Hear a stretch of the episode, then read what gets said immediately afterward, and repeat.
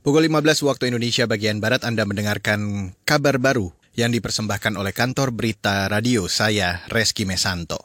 Saudara Badan Pengawas Obat dan Makanan atau BPOM menyatakan efikasi pemberian booster vaksin COVID-19 dari merek Pfizer-BioNTech bagi remaja usia 16 hingga 18 tahun mencapai 95 persen. Kepala BPOM Penika Lukito dalam keterangan tertulisnya menyatakan telah memberikan izin penggunaan darurat booster terkait penggunaan vaksin Pfizer pada usia remaja.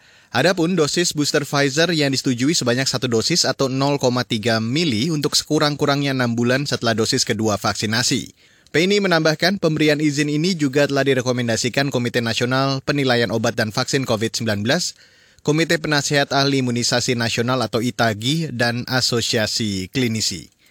Beralih ke berita selanjutnya, Saudara, pengamat ekonomi dari KOR mengingatkan pemerintah untuk mengurangi ketergantungan akan impor pangan yang saat ini mulai tinggi.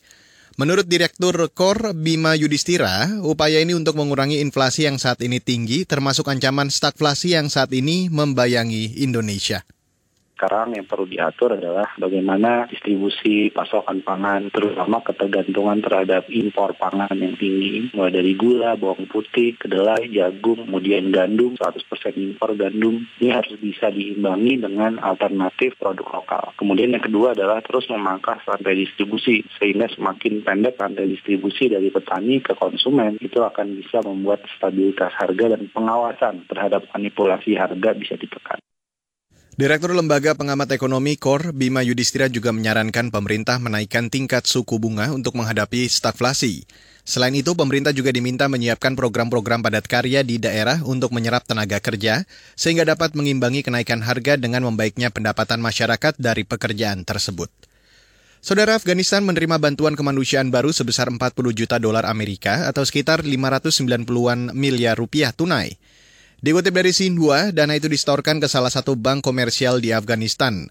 Bank Sentral Afghanistan atau DBA menyebut bantuan tunai itu akan digunakan secara transparan. Sebelumnya Afghanistan menerima bantuan kemanusiaan sebesar 32 juta dolar Amerika atau sekitar 476 miliar rupiah. Bantuan itu digunakan untuk membantu meningkatkan cadangan devisa negara dan mencegah kemungkinan ambruknya ekonomi di Afghanistan. Dan saudara, Demikian kabar baru, saya Reski Mesanto.